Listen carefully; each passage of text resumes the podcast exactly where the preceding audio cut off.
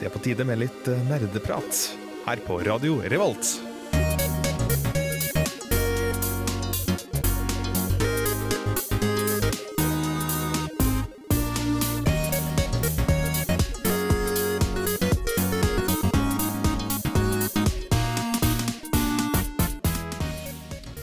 Hei og hallo alle og enhver, og velkommen tilbake til en ny episode med Nerdeprat. Vi er tilbake i studio nok en gang, og vi skal snakke om slåssespill i dag. Det blir gøy. Kanskje vi banker opp hverandre i studio. Vi skal ikke gjøre det. Vi oppfordrer ikke til vold, bare i den virtuelle verden. Eh, Jeg er Håkon. Jeg er programleder, også tekniker, i dag. Dual rolle. Og med meg i studio så har vi Vi hørte nettopp Tai. Også Tor Magnus. Tor Magnus. Bård er dessverre sjuk, så han måtte stå over i dag. Det syns vi er veldig leit. Eh, Jeg skal gi en shout-out til han, fordi dette er den første sendinga siden han ble offisielt medlem av Nerdeprat han ikke har vært med på. Stemmer. Det stemmer. er, det er veldig sterkt, og han har vært med i et år. Så Oh, yeah. det, det skal han absolutt få. Um, vi skal gå i gang nå. Um, med, ja, med sendinga. Eh, Men før det så skal vi snakke om hva vi har gjort siden sist. Men før det igjen så skal vi høre en låt. Vi skal høre Lazy Queen med Gid Bil. Vi skal snakke om hva vi har gjort siden sist. Tai, har du lyst til å starte? Ja, jeg kan godt det. Siden sist har jeg blitt viking. Oi. Jeg har eh, slengt meg i den eh, store, våte Nei, det hørtes feil ut. Eh, den store, brutale verden til Valheim. OK, ja, du har begynt å spille det, ja. Ja, Jeg snakker veldig mye om det på Nerdprat allerede. Definitivt. Det, det tok jo bare helt av. Ja. Uh, for de som ikke vet hva Valheim er, det er et survival-spill uh, basert på vikingtida. Og så er det veldig mye byggeelementer og RPG-elementer. da. Um, ikke noe Quest eller noe sånt, Uh, bare sånn Du unlocker liksom neste stadie da, av bygging og sånt ved å drepe bosser. Så en god del av spillet er å finne ut hvordan du skal drepe bossene, hvor du finner bossene og sånn videre. Så, er det sånn der, så utvikle materialene du kan bygge med og bruke underveis. da. Så du vil egentlig bare drepe bossene så du kan oppfylle din drøm av å lage verdens største base? Kuleste basen? Ja, altså, tingen er at det er veldig En klassisk greie i Valheim er at uh, du sier sånn Ja, skal vi gå og finne neste boss? Ja ja. Så bruker dere to timer på å bygge som alle legge seg for klokka to. Ja. uh, så det er uh, så eh, det jeg vil også vil gi de skikkelig mye ros for, da. Um, byggesystemet i Valheim er faktisk helt nydelig. Um, det er samme byggesystem som Rust. Altså, du får eh, sånn du, du har sånne strukturer da som er ferdiglaga fra før, og så putter du det sammen så, som et slags puslespill. da Så får du veldig fine bygninger ut av det. Greia med Valheim er at de gjør det så enkelt. Det er veldig lett å putte ned en ting. Det er veldig lett å fjerne, og du får tilbake alle ressursene. da. Det er som å ha creative mode i eh, Minecraft, nesten, så lenge du har ressursene fra før. Og det gjør det veldig lett og eh, liksom, veldig rewarding da, å bygge. Så det er kjempegøy. Du blir bare slukt opp. Mm, veldig bra. Ja, det er helt nydelig spill. Det er fortsatt uh, tidlig tilgang, eh, men det er eh, knallbra for å være tidlig tilgang. Koster også bare 145 kroner, så ja. hvis det høres interessant ut, er det faktisk ikke så kjipt kjip pris å forholde seg til. Ja, Og så har du hele greia med at det er én til ti spillere, så det er veldig lett å spille med venner. Ja, bra, bra i disse tider. Ja, Ja. definitivt. TM. Jeg har ikke spilt så mye siden sist, dessverre, men jeg har sett jeg vet ikke om jeg nevnte det, men jeg har sett litt på en veldig veldig gammel tegneserie eh, som heter Code Lyoko, som okay. var på eh, Cartoon Network eller Nickelodeon, eh, da jeg var ung i hvert fall. Hva er dette? Det er en serie som ble laga i Frankrike. En en tegneserie Nei, jeg bare tenkte Du sa da jeg var ung, og så bare var jeg sånn Å ja, for 50 år siden. Så slem! Ja, da jeg var ung. uh, det var uh, Skal vi se Nå sporer jeg litt av her. Ja.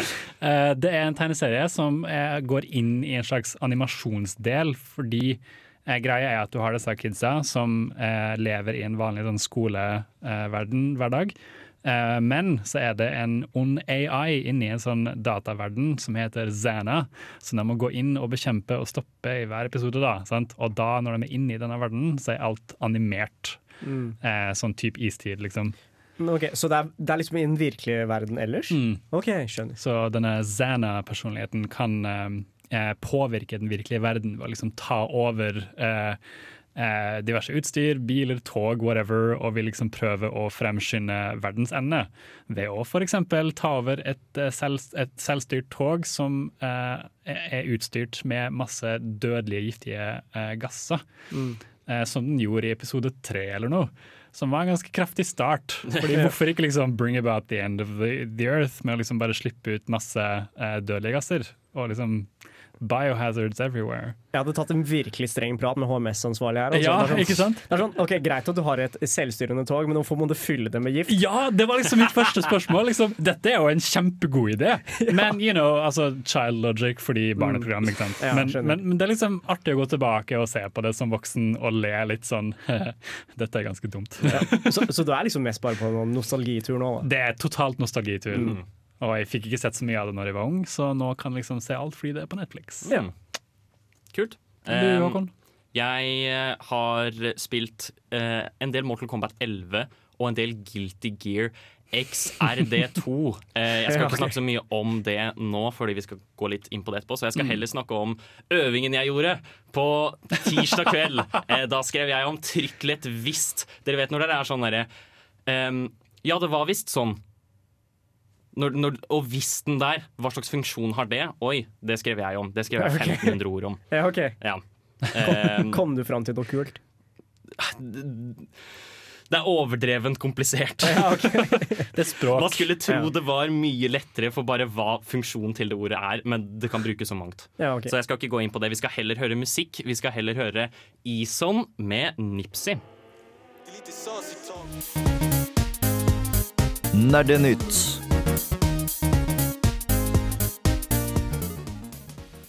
Det har skjedd et par nyheter siden sist. Egentlig ikke så mye, men i hvert fall noen små ting å merke seg. ikke sant, Tar? Ja. Altså, nå kommer jo mitt favorittsegment i hele Nerdeprat. Tai driter på EA! Okay. Bare Tai. Det er som regel bare meg. Jeg Elsker dette. Ja, men vet du hva, jeg hater de. Med glede, selvfølgelig. OK. Um, jeg vet ikke hva jeg prøvde på der. Men uh, EA har hatt litt trøbbel med Fifa. Eh, Ok. Greia er at Fifa har sånne kortpakker som du må kjøpe med ekte penger da, for å få eh, spillere. da.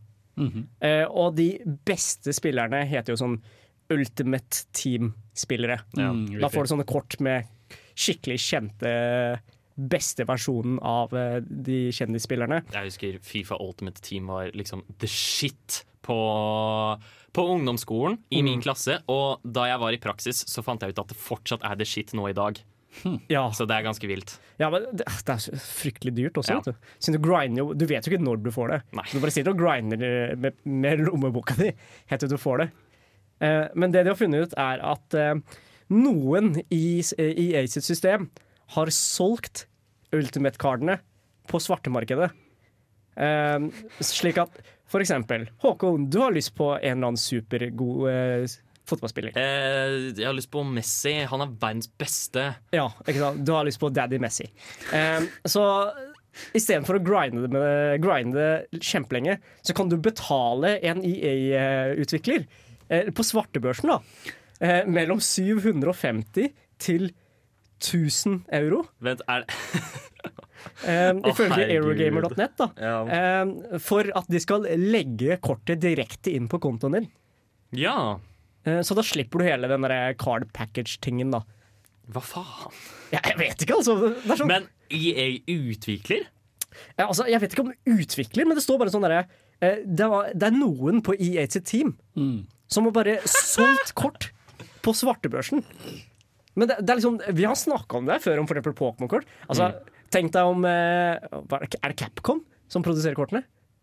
Niantic? Til Nei. Pokémon? Ja, til Pokémon. Nei, det tror jeg ikke. Nei, men i hvert fall, tenk deg de som printer Pokémon-kort, bare kommer og bare sånn Pst, la meg selge deg en First Edition Charizard. Hvis du bare Wow. betaler meg, ikke sant. Det er, sånn, det er samme logikk der, altså. Det her er helt idiotisk. Så inntil videre har eh, EA suspendert all discretionary Fifa Ultimate Team Content. Um, jeg vet ikke hva det betyr, men det har blitt uh, dubba EA-gate, da. Um, så som vanlig, EA fucker over spillerne sine eh, og bruker mesteparten av tiden sin på å fikse problemer som de har skapt. Da. Minner oss på at vi er alle mennesker, som eh, ikke alltid på, ser perfekt jeg minner også Eh, på at jeg hater EA, så jeg bryr meg ikke. jeg, jeg vil si at vi må, ta, vi må gjøre et unntak for EA her, nettopp fordi det er hele tiden. det er ikke stopp på problemene. Så det, det kan, man kan gjøre feil, men ikke hele tiden. Nei. Nei, altså jeg, jeg føler EA sin oppførsel den siste perioden har vært en feil. Men ja, Ja. OK. Har du en kjapp nye til oss? Jeg har en kjapp til. Eh, Rockstar, eh, de, som, de som lagde GTA 5. eh, på PC så loader det kjempesakte. Men en av spillerne har funnet en fiks. Og, de kunne, og det kunne gå opp til 70 fortere. Uh, og hittil har det vært en uoffisiell fiks da, for å få loada spillet raskere. Men uh, nå har Rockstar gått ut og sagt Vet du hva, dette funker. Det er en knallbra løsning. Vi, uh, vi putter det i neste, neste update. Så nå har de brukt spilleren da, sin, sin, sin patch. Eller de skal bruke spilleren sin patch i neste update, da. For å forbedre loading timesene. Mm. Eh, Spilleren ble belønnet med 10 000 dollar fra bug hunting-programmet til eh, Rockstar, som vanligvis bare dekker sånn sikkerhetsfeil og privacy-feil. Eh, Men de gjorde et unntak denne gangen fordi det er en knallbra løsning. Ja.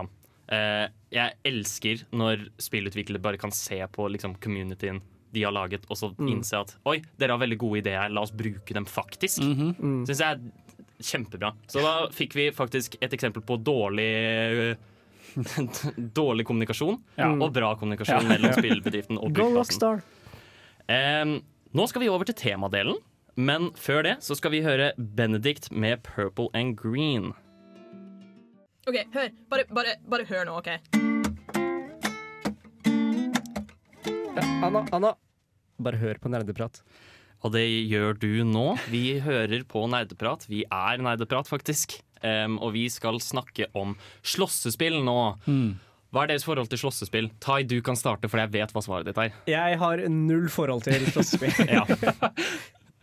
og hva med TM? Jeg er veldig glad i dem, men jeg er ikke særlig god i dem. Ja, eh, det er egentlig stort sett det jeg har også. Ja, ok. eh, forhold til slåssespill. Jeg elsker slåssespill. Jeg syns det er dritkult. Og eh, har skapt er et utrolig kult miljø rundt det i tillegg. Ja. Men det er ganske vanskelig. Det er det. Du må pugge så mye komboer. Liksom. Det er litt forskjellig fra spill til spill. og sånn. Eh, så liksom, Jeg kjøpte jo noen bare fordi de så bra ut, og så fant jeg ut at shit, yeah. dette er vanskelig. Eh, altså, grunnen til at jeg har så lite forhold til slåssespill, er at det er så jævlig vanskelig å komme seg inn i det. ja.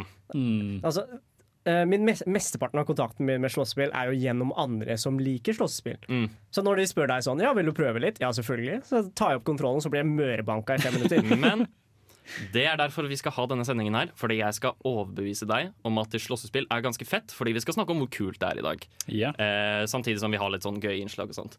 Kan starte eh, litt med å snakke om historien, da, for det er egentlig ikke så mye å ta fra her. Det første som er verdt å nevne, er at det første slåssespillet som tok av litt, heter Karate Champ. Uh. Eh, Og var eh, på en måte grunnla mye av det som er slåssespill i dag. Altså at det er en 2D-setting. Du har to karakterer, én mot én kamp, så, hvor de står mot hverandre. Og så har du bare diverse angrep og lignende. Men det var ikke før eh, i jeg tror det var 1993 hvor Street Fighter 2 kom ut. Og Street Fighter 2 gjorde at slåssespill tok av helt. Her introduserer de eh, veldig mange forskjellige fargerike karakterer. Eh, du har det som kalles eh, special inputs, som gir deg nye moves. Så hvis du beveger eh, joysticken din i et visst mønster, og så trykker et angrepsknapp, så får du et helt nytt angrep ut. Og det tillater diverse komboer og lignende som bare gjør hele slåssinga så mye mer fancy. Og det er i bunn og grunn mye av det slåssespillene består av. Ja, siden slåssespillene hadde vel røtter i Arkade Ja, det absolutt. Det var en veldig, veldig stor eh, del av arkademaskinene og der. Eh, hvor du og kompisen din ikke sant, kunne dra ned på Arkadestedet. Eh, ta med dere et par liksom, tiere, eller hva det er. Jeg vet ikke hvor mye det koster for sånn arkademaskin. Det var Ikke nok billigere enn en tier da, Ja. vil jeg tro. Men liksom, ja, Ja. det stemmer. Em, og så får dere ta typ, jeg tror én runde. For eksempel, ta Mortal Kombat. da Hvis du skal spille Mortal Kombat, så tar du inn. Og så slåss dere mot hverandre, og så er dere ferdig. Så må dere betale mer. Og da vi, om, Men det er jo såpass spennende ikke sant? og det er såpass gøy at det, man bruker dritmye penger på det. Ja. Og det er også en annen ting da som er verdt å nevne, og det er at Arkademaskinen var spesielt optimalisert for dette eh, ved at du hadde veldig tydelige knapper, og du hadde en slags joystick Ja. framfor bare kontrollerstikken din, som kan være litt utydelig av og til. Det var en ganske stor en, liksom, som Ja. fikk plass til liksom hele hånda di. Det har blitt såpass eh, stor del, altså den joysticken faktisk, at de har laget egne kontrollere. Med sånn svære joystick og tydelige knapper, sånn at du kan bruke det istedenfor en vanlig eh, Xbox-kontroller eller PlayStation-kontroller. Det er veldig interessant å se på turneringer og sånn, hvor liksom i motsetning til f.eks. Smash da, eller andre mer tradisjonelle spill, Mm. så på sånne ordentlige arkadespill så sitter spillerne der med en sånn kasse nesten med akkurat det du beskriver. Ja. Det er ganske, ganske hardcore, ass. Men jeg, jeg syns også det er en veldig ikonisk del av, spill, eh, av spillsjangeren. da. Å høre på de klikk-klakkene Ja. mens du spiller. Ja. Det er bare sånn Vet du hva, APM-en her er litt for høy for min del. um, for å Ja, du, du nevnte Smash. Det kan også være viktig å ta opp. Og det er at eh, I vår definisjon av slåssespill, det vi skal snakke om i dag, så skal vi ikke inkludere Smash. Fordi eh, det er såkalt platform fighter. Eh, Fungerer ikke på samme måte. Du kan også slåss flere av gangen framfor bare én mot én. Ja. I tillegg så har Sakurai selv beskrevet eh, Smash som et partygame. eh, og ikke et slåssespill. Så vi skal ikke eh, høre på han Ja. og ta hans ord for ja, sannheten. Ja. Vi har snakket så mye om Smash før. Ja, vi har fakt vi har vel, dere hadde vel slåssesending rett før jeg ble tatt opp? Det kan stemme. Ja. Så det er greit å gi de andre spillene litt eh, lys også. Ja, fordi da ble det mye snakk om Smash. Ja. Um, uansett, bare for å snakke litt om hva vi skal snakke om i dag. Uh, vi skal gå litt inn på hvorfor sjangeren har blitt så stor. Uh, vi skal snakke om de største spillene innenfor sjangeren, de forskjellige typer slåssespill, hva de fokuserer på lignende. Og så skal jeg prøve å oppsummere hele Mortal Kombat på fem minutter. Det gikk ikke. Men uh, det trenger vi ikke å snakke om, fordi det kommer vi til. Men nå skal vi høre litt musikk. Vi skal høre Eirik Aas med 'Storebror'. Du lytter til Nerdeprat fra Radio Revolt. You're listening to Nerd Talk from Radio Revolt. Tai, eh, du er fortsatt litt sånn usikker på hvorfor det er populært, er du ikke? Jo, men jeg, jeg skjønner ikke hele greia. ass. Nei. Eh, og derfor skal jeg nå male et bilde for deg eh, av the fighting game community, og hvorfor den har blitt så stor. Nettopp pga. så syke øyeblikker den inneholder. Um, året er 2004. Okay. Det er eh, Grand Finals, eh, EVO 2004 i Street Fighter Third Strike. Justin Wong mot Daigo. Det er siste game. Eh, de har begge vunnet én hver. Det er avgjørende game nå. Daigo ligger under med liksom halv health bar, eh, og Justin Wong bruker en super. Den eneste måten Daigo kan vinne og snu dette på Det, det ser helt håpløst ut, liksom, for han har 0,1% liv igjen. Han må parrye alle hitsa, og det er frame perfect. Han må parrye alle hitsa for å kunne liksom snu det, og han gjør det. Oh. Forestill deg hvordan publikum bare klikker helt av det. Om jeg skal male bildet videre okay. Ti år senere har disse to menneskene en rematch på EVO, og det kommer ned til siste game igjen. Grudge match. Disse to har skikkelig mye følelser mot hverandre. Hvordan tror du det er som publikum? Det er jo dritspennende. Ja, men Da handler det mer om selveste, liksom Om historien bak enn selveste spillet. Mm, ja, fordi eh, det er en, OK, for å ta det på en annen måte, da. Eh, så, kan, så har du Jeg husker ikke helt navnet på dem, men det var også I Street Fighter 5 så er det en person som eh, Han var kjent for å liksom Han kunne knuse toppfolk vel- av og til, men bare av og til. Okay. Og så lå han veldig godt an for å knuse Jeg tror den nåværende beste i Street Fighter 5. Um, og så bare bytter eh, den nåværende beste i Street Fighter 5 til en, en av de verste karakterene i spillet, og så snur han det. Og så okay. vinner han igjen. Og da er det sånn um, De heiet først på underdogen, altså han som ikke er best, men han som knuser kjempene, til at de begynte å heie på han andre igjen fordi han valgte en verre karakter. Ok. Så da blir spillet mer involvert igjen. Men poenget mitt er at The Fighting Game Community, stilen til spillet, én mot én-kamp, eh, skaper rett og slett shonen arcs. hvor hvor eh, Tenk deg liksom eh, highlight the main event. Har dere sett på WWE før? Nei. Nei, men i hvert fall wrestling så har det gjerne sånn eh, Du har en svær sånn event, og så markedsfører de den med én spesifikk match. Dette er matchen du kommer for å se, Ja. og de gjør så å si det samme i FGC. Om det så er liksom én mot én i fighting games, eller om det er lag mot lag i spill som, i spill som fotball, så er jo hele poenget at her har du en person eller et lag som du heier på. Som du har vært med hele tiden, og som du vil se vinne. Ikke sant? Mot alle odds. Eh, og du, altså, spør du meg liksom, hvorfor er folk som springer etter en ball eh, populært?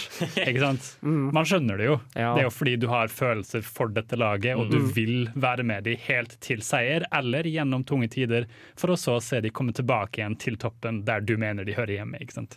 Ja. Ok, Så greia med fighting games da, blir det at det er veldig god på å engasjere eh, publikum. da. Ja, absolutt. Em, og jeg tror det også er mye av de, de største selgepunktene da, for eh, fighting games er også mye av grunnen til at dere har så stor suksess på, eh, som en e-sport. Okay. ok. Eh, og det er rett og slett at det er 1v1 fights eh, basert på nesten pur skill. Det er så å si ingen elementer av flaks involvert. Ja. Og det skal, da er det avgjort av hvor gode spillerne er. Eh, I tillegg så bare ser det jævlig tøft ut. Ja, så jeg kan forestille meg at det er egentlig bare action hele tida. Det er ikke noe sånn Um, ventetid, liksom. En runde varer som oftest ikke lenger Altså, la oss si du har Street Fighter, da, hvor det er best av tre. Så varer en runde ikke stort lenger enn et minutt. Ja, ok. Så det er ut- enormt fast-paced, og det er basert på liksom s- superkjappe reaksjonsevne og lignende. Uh, og, det, og det er derfor det er så kult, da. Ja. Ja. Eh, Nå skal jeg ikke snakke for mye om Smash, men en kul kamp på EVO jeg så hvor de fulgte med en, en spiller, det var Hungrybox eh, i 2016. Eh, hvor han endelig kom seg til finalen og vant fra losers bracket. Det kunne ikke vært mer klimaktisk. Til siste stokk, siste liv, og han klarte endelig å komme igjennom til tross for så mange år hvor han har kommet på andreplass. Ja. Endelig så kom han seg, underdoggen, opp og ut i lyset som en av de store. Herregud, internett var litt. Ja. Om vi også er på Smash, så kan vi snakke om eh, Zero. Eh, som var den aller beste Smash 4-spilleren. Og han gikk jeg tror 50 turneringer uten å tape.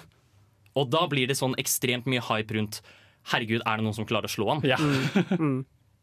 Så det er eh, Slåssespill får meg til å tenke at e-sport er kult. Det er det eneste type spill som har fått meg til å tenke at e-sport faktisk er en greie. Så vi, vi liker det, og derfor burde du like det også, Tai. Dette skal være tema i sendingen. Ja, greit, greit. um, vi skal gå inn på de, fi, nei, de tre store, em, altså de alle tre største slåssespillene i sjangeren. Nå skal vi snakke om de største slåssespillene, uh, de tre kjempene. Uh, vi kan eventuelt også formulere dette som de fire store dersom man inkluderer Smash. Eh, det er faktisk det slåssespillet som har solgt mest, hvis man teller det som et slåsspill, men det gjør vi ikke, for det er party game. Uansett, de klarer dere å tenke dere hva Jeg har jo for så vidt sagt det til dere på forhånd, da, men eh, I mean, det er jo helt klart Harvest Moon. Ja. Ja, I mean, definitivt. største Ingen tvil. slåssespillet i verden? Altså, Combo-breakeren i Harvest Moon er helt ville. ja, ikke sant? Nei. Hest, hest, ku. Ingen så det komme. Ja. Nei, men, Men det er i hvert fall eh, det, det bestselgende slåssespillet i verden, slåsspillserien i verden, er Mortal Kombat. Mm. Fulgt av Street Fighter, og deretter Tekken. Ja. Har noen av dere noe forhold til disse spillene? Ikke personlig, men de har alltid liksom vært i livet mitt. Skal jeg si. I Ja. hvert fall Tekken. har jeg hørt mye om. Ja, jeg også, eller Tekken var mitt første slåssespill, og det er derfor også der jeg ble mørebanka i fem minutter i strekk. da. Men jeg syns det er jo helt sykt hvor mye, hvordan komboene i, i spillene funker. Jeg, rør, jeg tror ikke jeg rørte bakken på de fem minuttene. Ja, ja det er eh, Tekken er jo helt sinnssykt, faktisk. Eh, det er uh, mye av grunnen til at disse har blitt så store, da, mener jeg i stor grad, i hvert fall for Mortal Kombat sitt tilfelle og Tekken sitt tilfelle, er stilen. Um, ta, Mortal Kombat er jo anerkjent for å være det spillet som fikk folk til å tro at man kunne bli voldelig av å spille spill. Ja, ja sant det. Ja, og det er fordi det er kjent, og det er liksom stikken til Mortal Kombat, at det er ekstremt blodig. Og du har disse fatalitiesene, som er rett og slett folk som river av hverandre ryggraden. Og de, det er bare helt overdrevne, absurde måter man kan drepe hverandre på. Og alle kidsa elsker det. Ja, Ja. elsker det. Så kult å se det, liksom. Når Scorpion tar av seg maska og bare brenner de folka, liksom. Dritkult. Ja. Jeg bare hata det liksom, hver gang vi spilte ferdig Mortal Kombat, så bare gikk jeg og rev ut uh, ryggraden til noen. Liksom. Spill gjør meg så voldelig. Ja. Mm. Uh, hvilket spill var det Yoshimitsu var med i? Det er brått Tekken. Det er. Tekken. For Ja. Jeg husker veldig ofte å ha blitt denkt av folk som spilte Yoshimitsu. Denne roboten med en katana eller noe sånt. Som tydeligvis ikke var en robot til å begynne med, men som døde og kom tilbake i senere iterasjoner av spillet Ja. og var en robot. Eller noe sånt. Ja, Android. ja, Android herregud, jeg vet akkurat hvem du mener. Det er han som går på sverdene sine med føttene. Det kan godt Ja. hende. Um, det, ja, du sier det kan godt hende. Det er også et merke av Tekken. Da, og det er at det er 3D-slåssespill, men også at det har dritmange moves. Ja. Det har overdrevet Hver karakter har sånn åtte jeg, jeg, jeg så på Akuma, som er egentlig en Street Fighter-karakter, men han har en gjesteopptreden i Tekken 7. Og han hadde 84 forskjellige angrep han kunne gjøre. Ja. Så, så skill-sealinga til Tekken er helt sinnssykt høyt. Og det er Ja. Men er det liksom, føler du at det er stilen som de presenterer seg i, og liksom kompleksiteten som gjør dem så populære? Ja. Um, I hvert fall Jeg mener at det er det som gjør disse spillene så populære. De, i hvert fall Street, Om vi bruker Street Fighter som eksempel akkurat nå. Eh, først så Det satte veldig mye av det fundamentelle i slåssespill. Og det bare på en måte bygger litt på det, samtidig som det er veldig nybegynnervennlig. I tillegg så har det et ekstremt fargerikt eh, cast, hvor alle karakterene ser og oppfører seg annerledes ut. Og da kommer jeg ned til liksom moralen av dette, og det er at der, måten du skal velge ut slåssespill på, er at du tar det slåssespillet du syns ser kult ut. Ja, ok. Ja. Du, hvis, hvis du har lyst til å komme deg inn i slåssespill, f.eks. Mortal Kombat eller Street Fighter, eh, så bare ja, du bare setter deg ned med, og så må du bare spille det. Men du tar det av de spillene du syns ser kulest ut. Ja, men siden, Du sier jo det er liksom nybegynnervennlig, men jeg vil også si at det er ganske høy terskel for å bli med likevel. Ja, men det er mest fordi det krever tid. Det krever tid til å lære seg spillet, og det tar lang tid. Ja. Men det er ikke vanskelig så fort du har kommet deg inn i det, står jeg for, da. Men, men hva, er det som, hva er vanlig for disse spillene? Lærer man seg et par karakterer som man må bli god med, eller lærer man seg alle karakterene? liksom? Du, altså, det spørs. Det, måten jeg går inn på med en sånn strategi som dette, er at der, jeg, jeg mener at YouTube er den absolutt beste guiden din for å komme deg inn i slåssespill. Du søker opp eh, hva er den letteste karakteren i spillet, okay. så spiller du den et par runder inntil du klarer de mer avanserte. Plutselig så liker du også den lette karakteren, så du spiller den litt mer. Ja. Men så kan du prøve deg på mer avanserte karakterer etter hvert, som du får en forståelse av spillet. Fordi det er det viktigste. Du skal få en forståelse av spillet. Ja. Eh, kan også kaste ut at Mortal Kombat for så vidt gjør veldig store innoveringer på sjangeren hele tiden.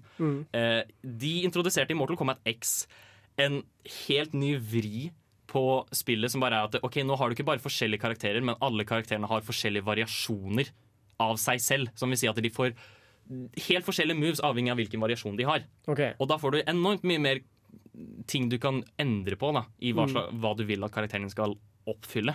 ja. Og det er en god ting, eller? Ja, det er en kjempegod god ting. Fordi det er, eh, det er jo dritkult at man skal kunne ja, endre på ting. Ja, men jeg tenker sånn, Det blir jo bare mer komplisert. Så ja, men samtidig ikke, fordi det er ikke så komplisert sånn egentlig. Eh, Det bare høres sånn ut når jeg forklarer det nå. Greit. Men eh, det er det vi Jeg ville bare fremheve de som liksom kjempene, og de som har definert mye av det som er slåssespill. Og vi skal snakke mer om Mortal Kombat, fordi vi skal eh, høre Mortal Kombat på seks minutter ish. Um, straks, men vi skal høre Only The Family med Hellcats og Trackhawks først. Vi skal straks starte på uh, Mortal Kombat på seks minutter. Før det så må jeg bare veldig kjapt avklare noen regler med hvordan verden fungerer i det spillet. Um, og det er at der, verden, eller universet, da, består av det som kalles realms. Og disse fungerer essensielt som planeter. Men de eksisterer ikke i samme rom, men på separate, i, i separate dimensjoner. typ. Okay. Og eh, realms kan merge med og invadere andre realms for å skape et slags ekkelt hybridlandskap. Og dette er, dette er viktig for å forstå liksom mye av eh, handlingene til karakterene i Mortal Kombat. Det var alt. Nå skal dere få høre meg oppsummere hele handlinga på fem minutter. Mortal Kombat. En virkelig tidløs klassiker. Slå deg løs i blodige turneringer med lemlesting og død. Men hvordan gikk egentlig historien til denne serien igjen? Et mysterie uten like, som jeg nå skal prøve å fortelle. Fy faen, hvorfor, hvorfor gjør du dette mot deg selv? Ok, så Først må vi gå et par tusen år tilbake i tid. En ond og stor muskuløs mann, Shao Kahn, er hersker over Outworld, men han ønsker gjerne å herske over andre steder også, som f.eks. jorden. De mektige eldregudene syns at dette blir for dumt og sier hei, du kan ikke bare invadere, da, du må først fortjene retten til å invadere. Og De lager derfor en enormt spesifikk regel som sier at realms har ikke lov til å invadere eller merge med andre realms før de vinner ti ganger på rad mot den forsvarende realmen i en turnering kalt Mortal Kombat. Ja, det stemmer, vår verdens skjebne er bestemt av en dødelig turnering mellom monstre, ninjaer og trollmenn. Dette har skjedd i tusenvis av år, men nå begynner det å bli litt hett. Og det tar oss til det aller første Mortal Kombat. Outworld har vunnet ni turneringer på rad mot Earthrealm takket være den firearmede Goro. Det er nå den tiende og avgjørende turneringen, og du må kjempe for å vinne. Her møter du en rekke wacky karakterer, som f.eks. Scorpion, en ninja med kjetting og skjeletthode. Johnny Cage, som er Jean-Claude Van Damme uten aksenten. Sub-Zero, en ninja med iskrefter. Sonya Blade, en sterk kvinne med store pupper. Reptile, en reptilninja som spytter syre. Og Kung Lao, som har en frisk. Men de eneste snille karakterene du trenger å bry deg om, er Raiden og Liu Kang. Raiden er en tordengud som ser slem ut, men han er egentlig snill. Liu Kang derimot er jordens mektigste kriger. Han roper veldig mye, later som han er Bruce Lee og skyter flammer. Alle slåss mot hverandre. Scorpion dreper Sub-Zero fordi han tror at Sub drepte familien hans. Ryggrader rives ut, og Liu Kang vinner Mortal Kombat ved å beseire både Goro og Shang Tsung. Shang Tsung blir sendt tilbake til Outworld, og Shao Kahn er mildt sagt litt piss på han. Han er veldig lei seg, men foreslår også en ny idé som tar oss til Mortal Kombat 2. Shang Tsung sier OK, hele denne greia var dum, hvorfor bare har vi ikke turneringen her i Outworld, så kan du banke opp gutta istedenfor meg? Shao Kahn har nemlig ikke lov til å sette fot innenfor Earthrealm med mindre han vinner i Mortal Kombat, så ved å ha turneringen på hjemmebane kan han delta. Men Liu Kang vinner igjen. Shao Kahn er nå superpiss for at han nok en gang ikke vant Mortal Kombat. Han har lyst til å lufte om dette til kona si Sindel, men hun er død, og han får derfor en annen trollmannvenn han har, Quan Chi, til å gjenopplive henne. Idet Shao Kahn skal omfavne sin fagre kone, ødelegger det nesten hele universet, og Outworld og Earthrealm blir merga fordi Eldergodsa tydeligvis har glemt at Mortal Kombat er en greie. Raiden klarer å redde noen av sine homies, i tillegg til noen nye folk, som f.eks. Jax, som er en purk. Og de slåss om å redde jorden i Mortal Kombat 3. Noen flere ryggrader blir revet ut, noen blir til babyer, og Liu Kang vinner igjen. I Mortal Kombat 4 tar Shao Kahn en pause for å gi plass til en ny skurk, Shinnok. Han er en fallen eldegud, og han får hjelp av Quan Chi til å forgifte jorda ved å korruptere jordas jinsei, eller positive energi, sånn at realmen blir hans. Jeg er ikke helt sikker på hvordan det fungerer. Alle slåss, Liu Kang vinner mot Shinnok, og Scorpion dreper den nye Sub-Zero fordi han tror at denne Sub-Zeroen også drepte familien hans av en eller annen grunn. Det viser at det faktisk var Quan Chi hele tiden, så Scorpion tar han med seg til helvete, en naturlig reaksjon. Quan Chi rømmer, og i sin tid i helvete fikk han en helt psycho idé, og han teamer opp med Shang Tsung for å drepe Shao Kahn i Mortal Kombat Deadly Alliance. Trollmannen har nå som plan å stjele mektige sjeler til mektige krigere, så de kan lage en ustoppelig hær og ta over universet. Raiden samler jordas mektigste krigere for å stoppe dem. Liu Kang dør endelig, selv om han blir gjenopplivet senere for å slåss mot Supermann. Men det er en annen historie. Scorpion kommer også tilbake og prøver å drepe Quan Chi, men han blir kastet i en tornado og dør. Alt leder nå til den store konfrontasjonen mot trollmennene i Mortal Kombat Deception. Man skulle tro det gikk fint for våre helter, men trollmennene går big mode og vinner en to mot seks-kamp. Alle de snille dør utenom Raiden, Quan Chi er en pikk og backstabber Shang Tsung, men alle tre som lever nå må lære seg å bli venner fordi Reptile har blitt til dragekongen Onaga, Shao Khans gamle sjef, etter han fant et gammelt egg. Raiden bestemmer seg for å drepe han ved å sprenge seg selv, som er litt vel korttenkt, og planen fungerer ikke uansett. Scorpion lever forresten igjen og får i oppdrag av eldreguden å beseire Onaga, men denne æren blir joinka av en ny fyr som heter Shujinko, som dreper Onaga. Det er nå tid for Mortal Kombat Armageddon, og Elder Godsa har fått nok. De skjønner ikke poenget med å ha alle disse turneringene når ingen følger reglene uansett, så de gjør den eneste logiske løsningen. De bygger en stor pyramide og setter en gud med navn Blaze på toppen av den, og den som klarer å drepe han, blir allmektig. Alle heltene og skurkene lever igjen plutselig, og vi har altså den aller siste turneringen med Mortal Kombat, som er en battle royale mellom alle krigerne. Alle tror at vår nye protagonist Taven kommer til å vinne, men han feiler, og de to siste som står igjen, er Shao Kahn og Raiden. Rett før Shao Kahn er i ferd med å knuse hodet til Raiden, sender Raiden en beskjed til seg selv i fortiden. He must win.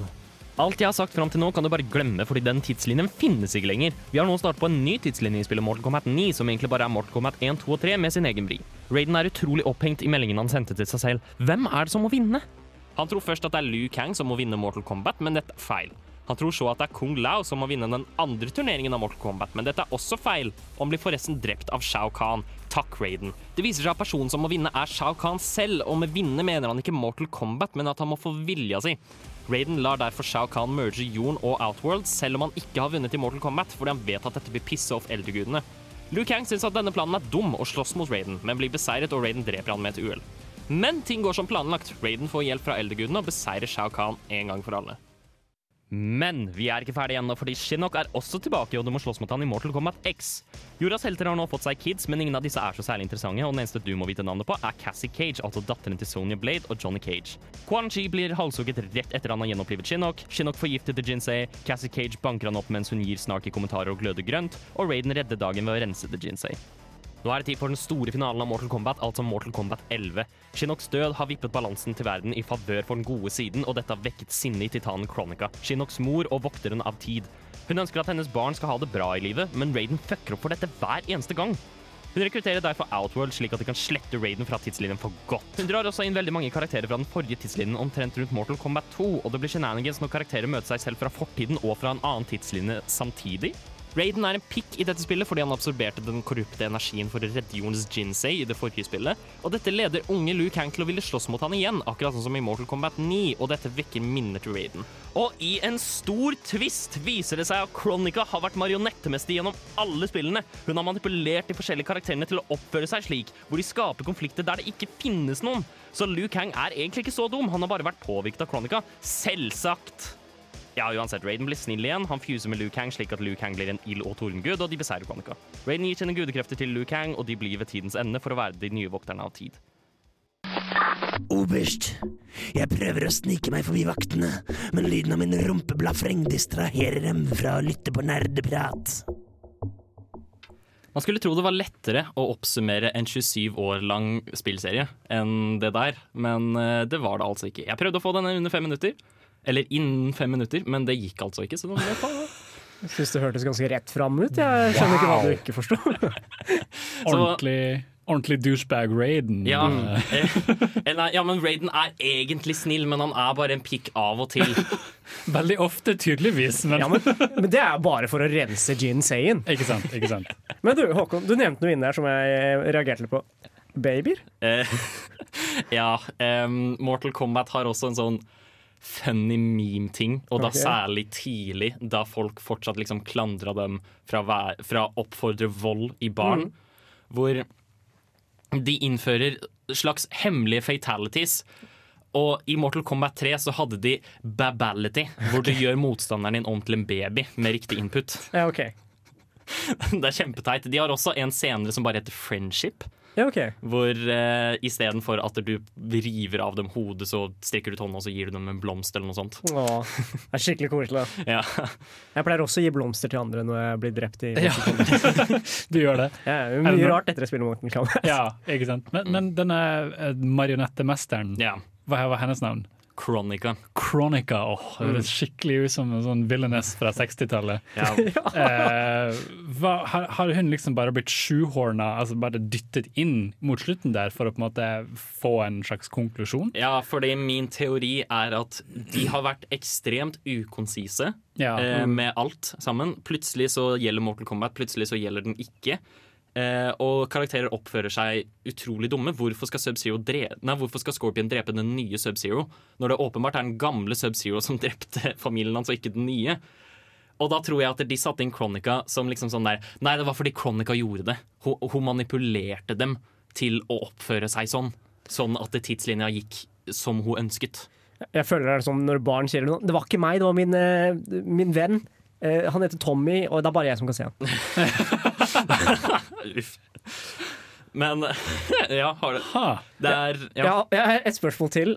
Du nevnte at Reptile ble til Onago. Dragekongen Onaga Hva skjedde med han? Ingen greide å slå han Så Det, det som skjedde med Onaga, var at eh, jeg oppsummerte det bare som at Shujinko beseiret Onaga. Ja, okay. Fordi det var det som skjedde. Men Mm. det som også skjer, er at Shujinko absorberer alle heltenes sjeler for okay. å få nok kraft til å beseire Onaga. Ah, OK, selvfølgelig. Ja. Hva annet skulle han gjort? Ja, ikke sant? Ja, Eh, men, så, men så kommer alle tilbake igjen i Armageddon, da, og ingen vet hvorfor. ja OK.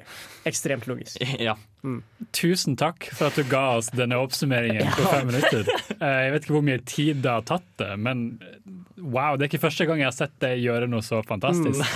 Første gang du ble tatt opp her, så var det jo eh, Kingdom Hearts Kingdom på fem Hearts på fem minutter. Og du har gjort Eh, mer siden i forsvant en liten stund nå. Ja, vi har også gjort Metal Gear Solid på, fem, på seks minutter. Ja. Um, og nå var det Mortal Kombat. Mortal Kombat, Overraskende nok, jeg trodde ikke det skulle bli den mest utfordrende, men det var veldig vanskelig. Så nå er jeg faktisk usikker om det er Mortal Kombat eller Kingdom Hearts som forvirrer meg mest. Ja.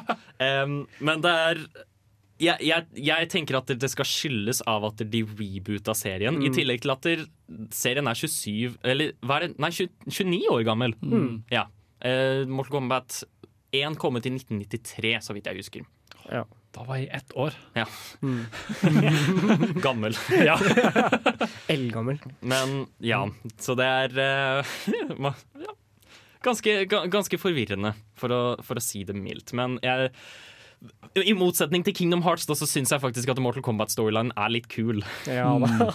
Så det skal den ha. Eh, veldig messy, men fortsatt kul. Det, det var bare en liten sånn gøy ting jeg ville inkludere, og så kan dere forstå også at der, eh, slåssespill har faktisk historie av og til. Ja. Eh, verdt å nevne. Eh, ikke nødvendigvis at det er så bra av hele tiden, eh, og det kan bli veldig forvirrende, men det er en ting.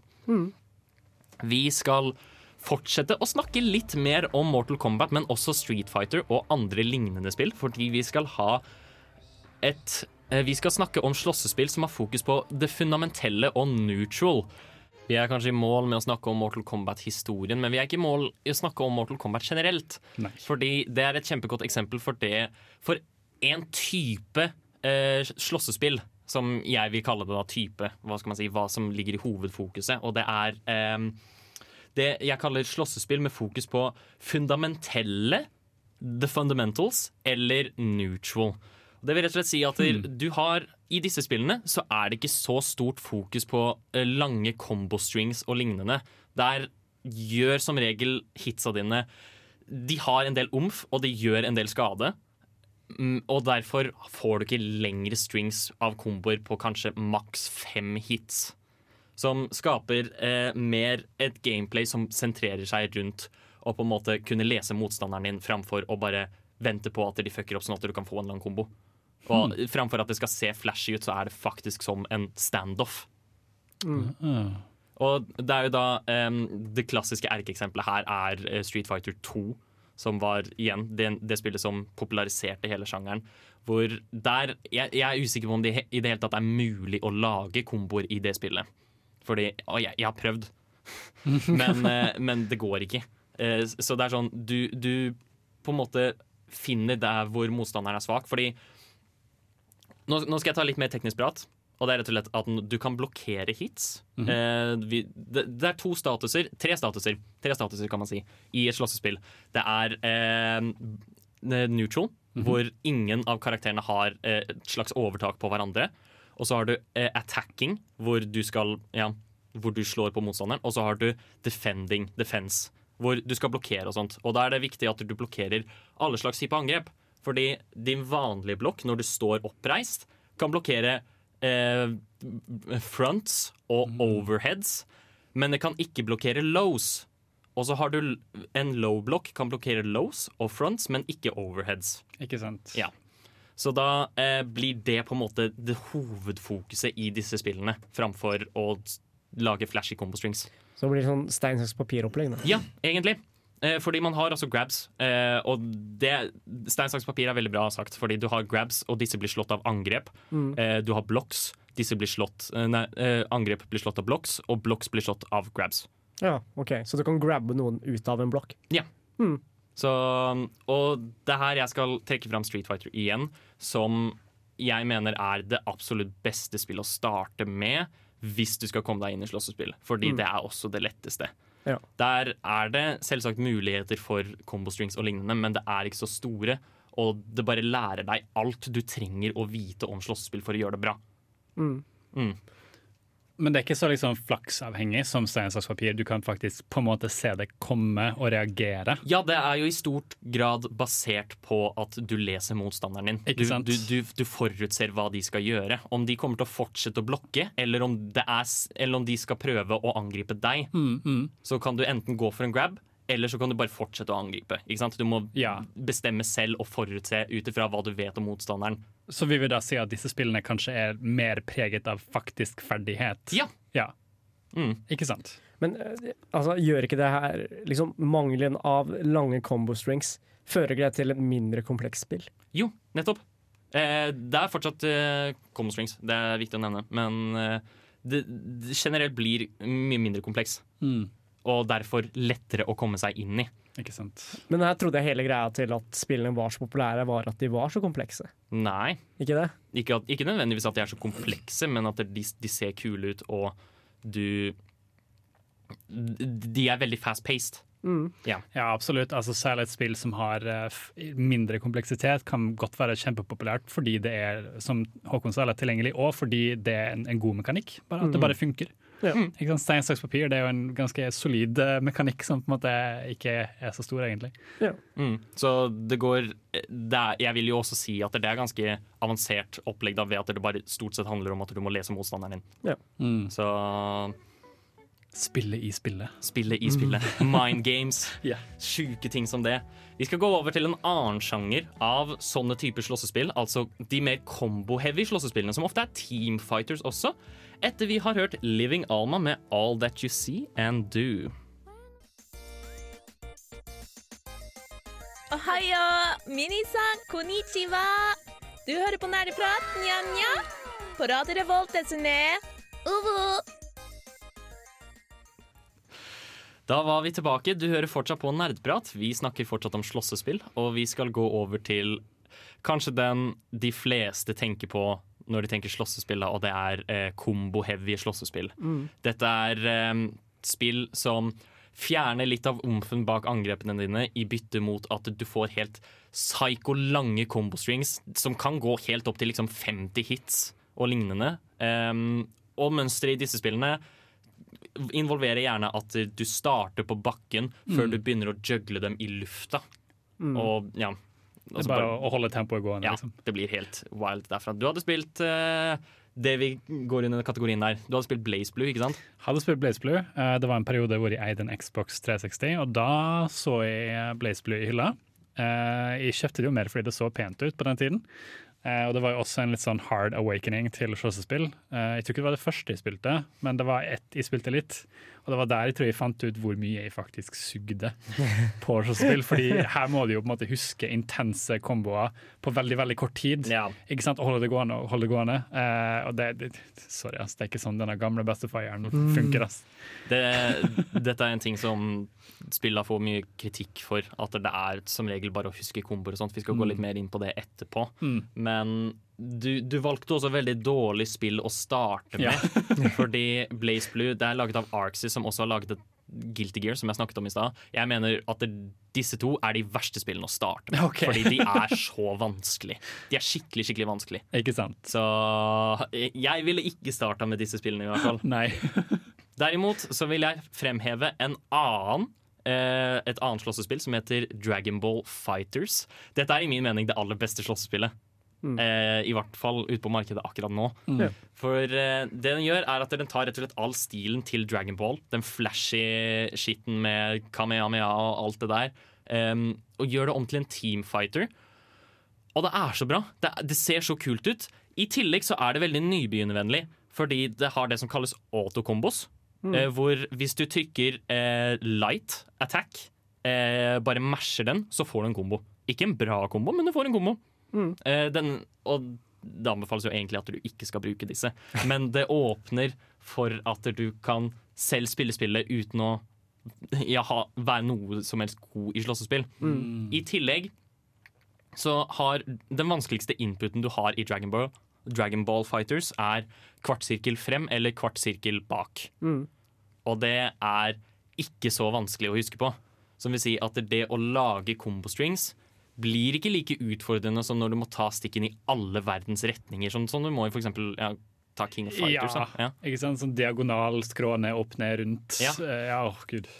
Så du, du ga meg et eksempel på en vanskelig special input Ja. på tirsdag. Kan du, kan du gjenta den? Åh, du, du, du, du tar stikken ned, og så tar du den eh, diagonalt venstre bort. Eh, og så tar du den venstre bort, og så tar den di diagonalt venstre bort igjen. Eh, diagonalt venstre ned bort, altså. Og så tar den til høyre. Og så trykker du en, et angrep. Og da får du det som kalles power gazer i King of Fighters. Um, og dette må du gjøre instantly. Dette må du gjøre mid-combo. Ja. Uh, og det er vanskelig. Det er forvirrende. Og det er mye å tenke på, Fordi plutselig så tenker du på en helt annen input også. Fordi det er så mange forskjellige inputs. Så ved å bryte ned alt sammen til én input, altså kvart sirkel frem eller kvart sirkel tilbake, har du løst det problemet.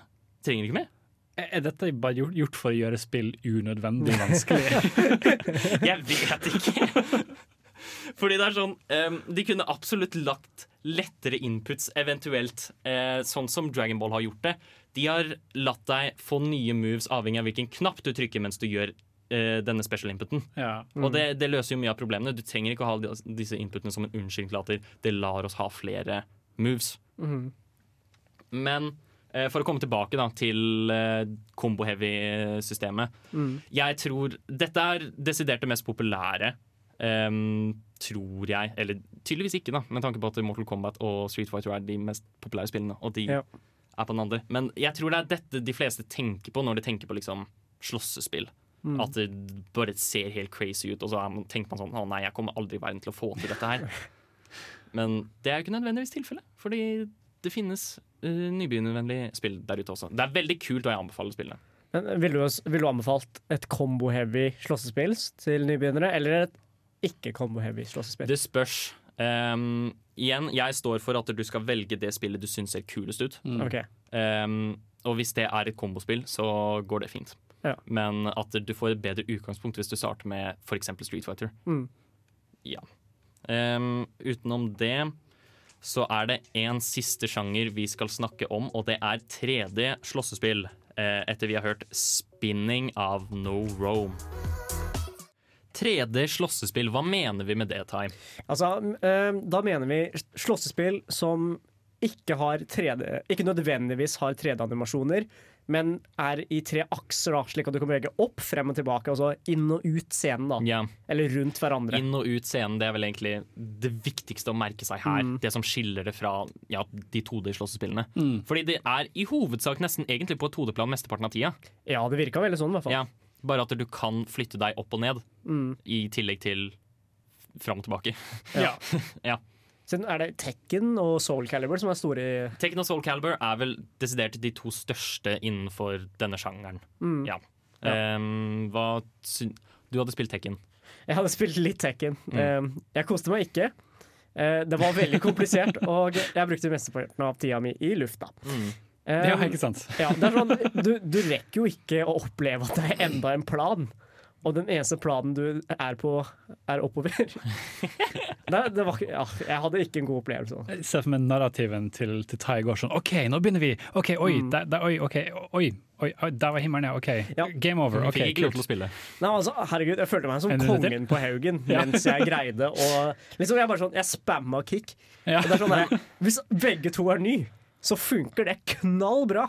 Men om, så snart en person som vet hva de driver med, kommer, da er det sånn derre Herregud, da vet de hva jeg driver med, og da kan de bare fucke meg opp hvordan de vil. ikke sant? Det er bare å spille King da og få den ene grabben hans. Ja, Fortell det til 14 år gamle Tai, du. Det begynner å bli en del år siden. Du du er noen år for sen. Håkon. Bare Ja. noen. Eh, uansett, bare for uh, Ingen av oss har så veldig mye erfaring med 3D slåssespill, eller ja? Jeg har spilt jeg vet ikke om det er 3D-slåssespill, men det er på den samme aksen at du, du flytter litt rundt inn og ut og sånn, og det er det Naruto-spillet på Xbox. Uh, Ninja Storm ja, eller noe. Ninja Storm. Kanskje det er en av mange for lenge, lenge siden. Ja, for jeg vet, Ultimate Ninja Storm er vel rett og slett en 3D arena fighter, så vidt okay. jeg vet, hvor det er stor fokus på å kaste prosjektiler på hverandre, og at du masher X for å få en kombo. OK, for Fordi kunne de skal se flashy ut, bare. Ok, for det eneste jeg husker er at du kunne starte Hvis du fikk inn et visst angrep, så startet du en animasjonssekvens. Ja, Hvor du fikk sånn, der, sånn button mashing, og den som trykte først, fikk på en måte flest hits. ja inn og det gir også ting. mening. Ja. Eh, og det husker jeg brukte en god del tid på når jeg var 15. Jeg vet ikke. Det er vel såpass lenge siden det kom ut. Men, men, men, men dette er eh, de type spillene er babyslåssespill. Det er, Mm. det er for folk som har ja. lyst til å oppleve slåssespill uten å spille slåssespill. Og på den siden så kan det egentlig være ganske bra, Ja, eh, når jeg sier det nå. Um, men det er ikke det vi skal fokusere på, men det er likevel verdt å merke okay. seg. Men om vi tar fokus på Tekken og Soul Caliber og Mm. den type spill, uh, hva er det som skiller det fra 2D? Altså, Hva, hva er det, har det noe å si i det hele tatt at det er 3D-akse? det er jo, altså, jeg, min store kilde her er jo faktisk Reddit. Um, det, det var jo en veldig stor diskusjon der. Um, og veldig mange føler at å legge til 3D-aspektet i tillegg trekker mer fra spillet enn det legger til. Um, og det har litt med at det er veldig lett å dodge unna prosjektiler, da, for eksempel. Ja. Hvis uh, det er en ekstra akse i tillegg. Da. Ja, det var litt det jeg skulle skyte inn. At du, I Soul Calibur kunne du jo på en måte dodge til siden ikke sant? Ja. og unngå ting, og da får du plutselig et nytt element å leke med. Mm. Eh, men så vidt jeg husker, har ikke Soul Calibur også eh, det som kalles en horisontal counter? Hvor du slår typ oppover i, for å liksom catche dem hvis de prøver å strafe rundt deg. Sikkert. Jeg lurer på om det er noe sånt. Uh, vi er litt usikre på hva slags stor forskjell det gjør. Men Tekken er jo jævlig stort, da. Så Ja. det, det, det er jo i hvert fall noen som liker det. Ja. Men de, de fleste jeg leste i forhold til kommentarene, var at eh, de, folk liker det ikke generelt, siden det er jo ganske døende sjanger. Ja, det, det er nettopp det. Det er faktisk bare Tekken og Soul Calibur som lever i den sjangeren nå. Dead or Alive gått over til bare bikini-volleyballspill. det er gøy. Eh, Ja. ja, ja. Eh, de får gjøre som de vil. Men vi får se hva som skjer med 3D-slåssespill i framtiden, da. Jeg, tenk, jeg håper det går bra med det, for Tekna er faktisk veldig kult å se på, i hvert fall. Ja. Vi er ikke ferdig helt ennå. Vi skal gå over og kritisere slåssespillene litt grann nå ved å spørre spørsmålet Er det bare muscle memory. Martin, gutten min, du må komme deg middag! Å, mamma! Jeg kan ikke sette på pause nå! Jeg er midt i en heftig episode av Nerdeprat! Den største tingen som blir tatt opp når folk skal argumentere mot slåssespill, er det faktum at det er jo bare muscle memory. Det eneste det gjør, er å sitte i treningsmodus og pugge komboer og lignende. Hva tenker dere om det? Tai, vi kan ta fra ditt perspektiv, du som faktisk Jeg forestiller meg at du kanskje støtter denne påstanden. Jeg syns det virker veldig sånn, altså. Um, du kan jo selvfølgelig bli god på dette mens du spiller online og har det gøy, men jeg tror ikke det er den mest effektive måten å bli god på. Nei. Å nei, det er det absolutt ikke. Mm. Og spesielt et spill hvor pro-siden er så viktig da, som i uh, fighting, fighting games, så føler jeg at det fort blir at du sitter i training mode da, og pugger spillet. Og det føler jeg liksom ikke er en, en del av å ha det gøy, da. Ja Jeg vil jo si at uh, muscle memory er Muskelminne er jo en del av det. Mm. Absolutt. Det er jo noe som hjelper, det, hjelper kroppen din å in intuitivisere kan du si, disse teknikkene du skal gjøre og utføre på veldig kort tid. Mm. Det er jo samme i, i, i sporter ellers, hvor du trener visse ting for å på en måte øve det inn, da, så du kan gjøre det bedre. Ja. Ikke sant? Mm, Eh, men om det er bare det, det vil jeg ikke si. Det er jo mye som skjer under Ja. disse kampene. Ting må improviseres, ting du ikke så komme. Og da er det jo på en måte alt annet som Mm. spiller inn. Men jeg, jeg syns um, Altså, jeg skjønner greia med fotball, at um, det er ikke designa på en måte slik at du blir At den mest effektive måten er å stå og trene, liksom. Men uh, mens dette er jo et spill som noen har designa. Og det synes jeg det burde blitt designet på en måte at den mest effektive måten å lære på, er å spille det, og ikke å stå på treningsrom og lære seg det på Ja, ja, men fordi, eh, og her kommer jeg med at det eneste som det hjelper å trene i treningsmodus, er å kunne komboene. Mm. Så den absolutt beste måten å spille slåssespill på, vil jo være å kunne få erfaring med å spille mot noen. Jeg har tidligere opplevd, da jeg startet å skulle prøve å spille slåssespill, og jeg tar meg selv i å gjøre dette ofte fortsatt, er at jeg trener inn alle disse komboene, og så tenker jeg sånn He, nå skal jeg vise dem. Nå skal jeg ta dem. eh, og så kommer jeg i matchen, og så får jeg helt packeren fordi oi, nå slåss motstanderen tilbake. Mm. Og så klarer jeg ikke å gjøre noen av de tinga jeg har trent på. Så nå skal du høre. Det her er trikset. Det så skummelt ut. Eh, og det er rett og slett at eh, ja, det er mye muscle memory, men det er så Men som TM sier, det er mye mer enn det også. Fordi du må alltid tilpasse deg motstanderen din. Eh, alle slåss De fleste slåss i hvert fall på forskjellige måter. Ehm, sånn type ting. Så du får mer erfaring av å gjøre det. Så den beste tingen du kan gjøre, er at når du skal starte opp et slåssespill, Mm. så går du i treningsmodus. Du lærer deg én kombo, og så, og så tar du alle tutorialsene i tillegg. Og så lærer du deg den ene komboen, og så bruker du den komboen hele tiden. Inntil du klarer å gjøre den komboen konsist mot en annen spiller. Det virker ikke interessant til meg på noen måte. Liksom, jeg husker For å bli god i League of Legends, så spilte du ikke Jeg spilte ikke mot bots eller mot, i training modes. Jeg, jeg ble god i det gjennom Eller jeg ble ikke god i det på noen måte, men jeg ble bedre i det av å spille mot andre spillere. Ja, Um, Og det blir du jo også i slåssespill. men ting tingen er at jeg føler ikke du får samme muligheten, siden de avbryter jo komboen hele tida. Får du aldri gjort det? Hæ, hva, hva mener du da? Nei, men da tenker De du avbryter komboen din? Ja, altså Mens du prøver deg på å gjennomføre en kombo, så blir du smakka tilbake. Og sånn, OK, vi får prøve igjen. Da. Ja, men de, du blir bare smakka tilbake hvis du mister komboen. Ja, men du, Fordi det, det er veldig viktig å presisere her at når du først har startet en kombo, så er den over til du mister den. Eller til den ikke har noen naturlig progresjon videre. ja. Som vil si at hvis du har en fullstendig kombo, og du fullfører den, eh, så er det kult. Hvis du mister den underveis, så har motstanderen all rett til å punishe deg, fordi det var du som Mm. fucka opp. Ja. Og det er akkurat det samme i lik. Hvis du gjør noe feil der, så kommer motstanderen til å punishe deg der òg. Ja, sant nok. Nei, men jeg føler bare at uh, det er så mye trening som ligger bak, da, som du ikke nødvendigvis må ha for å bli bedre, men du burde ha for å bli bedre. Mm. Og det syns jeg ikke er en veldig appellerende del av, av, av, spillsjangeren.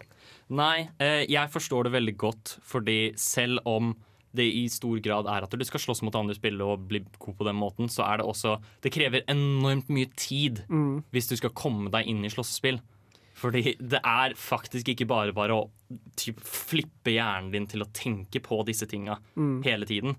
Og, og særlig ikke når du er in the heat of the moment. Det, det krever litt trening. Ja. Absolutt. Og det tar tid. Jeg spilte Dragon Ball Fighters i 50 timer før jeg ble komfortabel online. Så det sier litt. Så jeg, syns ikke det burde være et, eh, liksom, et eh, kjennemerke til et godt spill. Å være sånn ah, Du kommer til å digge det, altså. Du må bare investere 50 timer i det først. Da kan du like godt lage et spill hvor de første 50 timene faktisk er interessante å spille. Men jeg Ja, jeg forstår hvorfor du tenker sånn, da. Men jeg Ja. hadde i hvert fall veldig gøy med det. Eh, selv med trening og sånt, fordi jeg så at jeg ble bedre. Ikke det sant? er fuckings shonen-arken, treningsarken, turneringsarken. Alt sammen. Det er bare ja. Bare Q-musikk fra My Hero Academia. Ja. Ja, vi, vi skal ikke høre på My Hero Academia, men vi skal heller høre vin og rapp med I takt. Når innså du at du var en gamer? Dersom du kunne spilt kun et spill i et år Hva er det eldste spillet i backloggen din? Hva har du lært fra spill som du har fått nytte av i Er det et spill som har hjulpet deg gjennom en tung periode av ditt liv? Hva er ukas spørsmål? Ukas spørsmål denne uken er som følger. Eh, slåssespill er kjent for å ha veldig sånn usedvanlige og litt rare crossovers eh, av karakterer som slåss. Ta eksempel Marvel vs. Capcom. Her har du Marvel-karakterer som slåss mot Capcom-karakterer. Utrolig spesifikt og merkelig, men det funker. Mortal Kombat og DC Comics hadde en gang en crossover hvor Scorpion slåss mot Supermann. Gøy. Eh, og spørsmålet er da om du kunne laget et crossover slåssespill med to forskjellige serier, hvilke serier hadde du valgt? Er det noen av dere som har lyst til å starte? Jeg kan, eh, jeg kan starte denne. Mhm. Eh, Jeg har egentlig lyst å velge Witcher 3, men jeg har valgt Witcher 3 på så mange utfordringer okay. at jeg hopper over den denne gangen. yeah. Så da velger jeg istedenfor eh, eh, Vi har snakka mye om Mortal Kombat, så det er jo selvfølgelig en del som skal være med her. Ja. Så da har du Mortal Kombat, og så har du Kingdom Hearts. Sy- okay. Syns jeg. Ikke sant? Eh, Kingdom Hearts er jo et veldig søtt spill, for å si det sånn. da Så da kommer Mickey Mouse med nøkkelen sin, hjelper deg å slå litt. Ikke sant? Skal du se fuckings Mickey Mouse bli fatality av Scorpion? Ja, jeg tenker sånn der, Det er jo veldig fin kontrast. ikke sant? Det er ikke noe du forventer av Mickey Mouse. Bare river av eh, rygger. oh no. bare oh no, how do I put it back? Goofy! Nei, jeg vet ikke. Jeg syns det hadde vært skikkelig artig. Jeg høres ut som en jævla psykopat. Tai ditt grusomme ja, men dette er en kontrast du ikke forventer fra Disney. Altså, Disney hadde saksøkt spillet til grunne. Nei, Men hadde det ikke vært et interessant konsept? Det Jo. Det Det, hadde vel kanskje det, men ja, Onkel eh, Skrue bare fyller sjefene med gullmynter, så faller det over. ikke sant? Her har vi masse fatality-ideer. Du får en sånn Game of Thrones-død med gull, bare med onkel Ja. Skrue. Mm. Nei, Jeg syns det hadde vært kjempeartig. Bare en annerledes eh, Disney, da. Ja, det er sånn de introduserer spillet. A different kind of Disney. Bare sånn eh, Mamma, jeg er åtte. um, Ja, TM. Uh, ja, Uh, jeg tenkte jo at jeg ville ha noe med Dark Souls. Ja. Og vi hadde jo Oi. før snakket om uh, waifu Dark Souls, og det hadde vært noe gøy. Men jeg tenkte hva hvis vi tar det i en annen retning? Dark Souls og Fishing Simulator. OK. Hvor du er nødt til å kjempe gjennom disse monstrene for å komme til gode steder å fiske på. Så OK, okay. så Men Vent, hæ? Skulle jeg kanskje ikke innledet med waifu Dark Souls? Nei, ja, men vi, vi, vi, vi, Poenget er jo at Dark Souls-karakterene skal slåss mot noen, ikke sant? Og de må slåss mot noen? Ja, de skal slåss mot en ah, annen beklager, serie. jeg så Ja. spørsmålet. Jeg tenkte bare kombinere to uh, spillserier. Ah, nei. Men det Ah, okay, ok, det ok, også. Du, kan- du kan slåss mot fisken. Bare sånn Eh, I mean, ja, da vil jeg heller falle tilbake på, på waifu Dark Souls, da, Ja, på noen måte. Men om det kan bli Å gud, jeg vet ikke. Men Hva med uh, Dark Souls og Honeypop? En type uh, Akiba Strip versus Dark Souls-opplegg. Nå ble jeg veldig usikker. Men Akiba Strip, hva var det Jeg tror det er der du slår eh, folk, og så mister de klærne etter hvert. Eller er det noe annet? OK, og det og Eh, jeg er Dark ikke Souls? sikker. Men ja, noe sånt. Ok, Så du bare står der, plutselig står Lord Gwyn naken til slutt, da? Nå, altså, nå, nå bare kaster de ting rett ut i lufta her, fordi nå ble jeg liksom veldig tatt på senga. Eh, men det må bli noe sånt, da, I guess. Ja. Hva, Eh, du Håkon, du har sikkert et bedre forslag. jeg har Jeg vet ikke om jeg har et så mye bedre forslag, fordi jeg mangler ett spill. Men jeg vet i hvert fall at der- jeg har et stort ønske om å se eh, Castlevania i sjangeren av slåssespill. Og det er Mhm. mest bare fordi eh, Om noen av dere har sett Castlevania Netflix-serien, så vet dere hva jeg Mm. snakker om. Ja. Eh, mulighetene der er store, og det er kult. Hva med Castlevania og Metroid? Det hadde vært litt kult, da. Altså Samus slåss mot uh, Vlad. Ja, det burde i hvert fall være Det burde i hvert fall være en sci-fi-serie som går imot Castlevania, Mm. mener jeg. Sånn at det blir liksom litt sånn kontraster, kanskje. Ja, vi, vi er glad i kontraster. er, det, er fremtiden virkelig så bra som den skal ha det til å være, eller var det bedre før? Haha, Ja. Castlevania. Jeg savner dagene hvor vi bare var vampyrer sammen. Altså. Ja. oh. Good times. Mm. Men uh, vi har i hvert fall Jeg, jeg syns vi har noen gode crossover-ideer her, ja. Eller har, vi, har vi egentlig det? Nei, men uh, Disney, om dere hører på er interessert i en uh, prosjektleder for eh, denne crossoveren, så bare si ifra. Jeg har masse ideer. Ja, ikke sant. Um, vi jeg tror Ja, vi, vi, vi, vi, bare, vi går videre. Jeg er litt, jeg er litt sånn smålig målløs, men det, det, det får gå. Eh, nå skal vi komme med en liten overraskelse til dere, men før det så skal vi høre Denzil Curry med 'Take It Back'. Er du hva, hva gjorde du nå, Theo? Jeg tryna veldig, veldig heftig. Skal jeg lage en ny til deg? Lage en ny til meg. Jeg synes du burde det. Tai, du kan forklare hva som har skjedd, hva vi skal gjøre nå. Ja, ok. Så det som egentlig har skjedd, er at eh, i forrige ukes utfordring med Idle Games, så var det én eller annen person i Nerdeprat som valgte å ikke ta utfordringen. Jeg lurer på om du vet noe om det, TM? Eh, Det høres kjent ut, eh, og fordi jeg ikke var med på den utfordringen, så eh, skal jeg få lide. Ja. Så vi vil bare avklare at du gjør dette ish frivillig. Um, Skrevet kontrakt og hele ja, greia. ja, greit. Så lenge advokaten vår er klar over dette.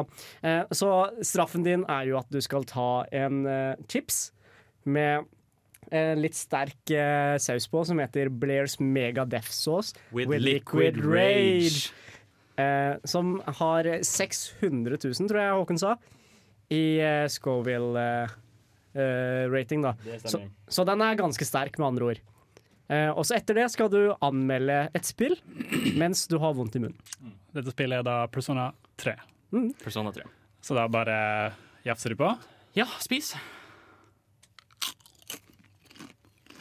Mm. Kjempegodt. Ja. Folk står her og venter, Hvordan går veldig det? spent, altså. Begynner å kjenne det. Ja. Mm. Hvor lenge skal du tygge det? Eh, bare svelg. OK. Oi. Ja. OK. Eh, kjør på. Begynner å gå. OK, Uh, Persona 3 er et spill på PlayStation 2. Uh, du starter som en uh, loner, skikkelig sånn dropout, som har liksom eh, hår som går liksom på skrått nedover, veldig sånn loner alene. Eh, og du flytter til en ny by, eh, hvor du blir kjent med en haug andre kids, tenåringer. Hvor det viser seg at det er noe som heter eh, The Shadow Hour, som er en 13. time hvor monstre kommer inn i verden, og du er nødt til å bekjempe dem. Og måten du bekjemper dem på, er ved å dra ut en, en pistol. Eh, Denne pistolen er egentlig ikke en ordentlig pistol, men det er en pistol som er ment til å fremkalle frykt, slik at du kan tilkalle din indre persona. Er det der hvor de skyter seg selv? det er der hvor de skyter seg Ok. selv, eh, som da er navnet på spillet. Og greia er jo at du har disse demonene på innsiden. Oi, dæven. Um, som da som da du kan tilkalle og hjelpe deg til å slåss mot disse monstrene. Og dette må du gjøre eh, i denne 13. timen, eh, hvor ingen andre er våkne. Det er bare du og vennene dine eh, i dette tårnet som heter Tartarus. Eh, Tartarus fra gresk mytologi, eh, hvor eh, dere skal klatre hele veien opp til toppen. Å, det er varmt. Um, og greia er at du skal klatre opp og skalere dette, dette tårnet mer og mer og mer utover hele spillet. Det er litt repetitivt egentlig, når du tenker over det. Fordi liksom det er bare masse randomly, random gener generated dungeons. eh, tilfeldig genererte dungeons, som vi sier på norsk. Uh, hvor du kan ikke bruke for lang tid på hver etasje, fordi da kommer det en stor skummel fiende som er jævelskap. Um, Og er det og så- Mementos? Uh, nesten. Det er sånn Ja, The Reaper-opplegg. Ikke det samme. Um, og greia er at ved hver fullmåne så kommer det en skummel boss, og så må dere kjempe sammen og slåss mot den bossen. Det bare slutter ikke å brenne. Um, og så eh, når du liksom har gått gjennom alle fullmånene, så finner du ut at å nei, eh, spoiler alert, eh, det kommer en stor skummel boss fra månen som, som er døden. Um, ja, Håkon. Hva syns du om spillet? Elsker det. For, hvorfor? Fordi det, det, det er veldig bra. Altså, jeg, jeg var jo en stor dweeb da jeg vokste opp, eh, og JRPGs var liksom min greie. Og det var en god venn som introduserte meg til Persona 3. Og det, det var liksom det som ble min inngangspassasje til, eh, til Persona 4 og Persona 5. Og heter Shin Megami Tensei også. Um, og det er skikkelig trist når du spiller ferdig Persona 3, fordi du har ikke noe valg enn å egentlig ofre deg sjøl for å beseire bossen. Ah, fordi, fordi det er liksom sånn Du kan ikke beseire døden, you know? det, det er teit. så så, så så da må du liksom ofre deg sjøl, og så å nei, og så døde han, og så, og så, og så slutter spillet. Å ja. Ja. Oh, ja, ok. Men bra spill allikevel. Det, veldig, det, det er bra, da. Kan jeg ta litt av denne Ja, du, du skal få lov til å drikke melk nå. Tusen takk. Det var veldig bra. Det var faktisk dødsbra. Mm. Det var nok på den. Eller hva? Det kunne faktisk vært litt mer. Jeg, jeg var forberedt på å gråte. Eh, Jeg har sett eh, Matthew Mercer spise Ghost Peppers for dette her, Mm. for å på en måte vite hva jeg går inn for. Eh, og jeg begynte ikke å gråte, Nei. men uh, da vet vi det til neste gang jeg skipper en challenge, Mm. eller en, en utfordring, at da kan du ta på litt mer. Ja, da, da, da tar vi på litt mer. Um, det er veldig bra. Um, Å, takk. Ja, Ja. Da, da sier vi jeg holdt jeg på å si takk til TM, Mm. Eh, men, men han er godt, godt jobba. Har, de blitt redeemed? Eh, han tok eh, Ja, du har blitt redeemed. Vi, har, vi har nå tilgitt deg, og du Mm. tok utfordringen med veldig god stil. Ok, Så da er vi straks ferdig her på Nerdprat for dagens sending. Men vi skal høre litt musikk før vi går. Vi skal høre The Pricks med Nightlife Specs. Vi er ferdig for dagens sending. Vi har snakket en god del om slåssespill. Eh, jeg håper dere har blitt litt bedre kjent, og at dere forstår min kjærlighet for slåssespill litt. I, I hvert fall, fordi det er faktisk jævlig kult. Ja da. Ja. Um, neste uke så skal vi ha om skal vi ha monstersending. Dette er i anledning ikke bare at Monster Hunter Rise kommer eh, neste fredag, men også Godzilla vs. Kong. Så vi skal snakke om monstre i spill, vi skal snakke litt om kaijus og lignende. Det blir kjempekult. Jeg gleder meg masse. Videre eh, så kan vi gi et lite tips, og det er at nå på lørdag eh, klokka 21 i Storsalen så skal det være en eh, sending av Radio Revolt eh, om dating og Tinder. Tro det eller ei, vi er kanskje nerder, men vi skal delta. Vi skal Ja. være en del av panelet, og vi skal snakke om dating og lignende i videospill. Om du kan bruke det som en aktivitet, om du kan, om du fikk deg en kjæreste gjennom videospill. Går det an å spille Tinder? Hvem vet? Eh, mer av det, det, det, får vi spørs, det får vi svar på, holdt jeg på å si. Ja. Mm, det blir gøy. Det blir gøy. På lørdag. Så det blir kult. Eh, vi er ferdige for i dag. Nå får dere én siste låt før vi går. Dere får 'Torsk i lomma' av Jay Zeno. Ha det bra.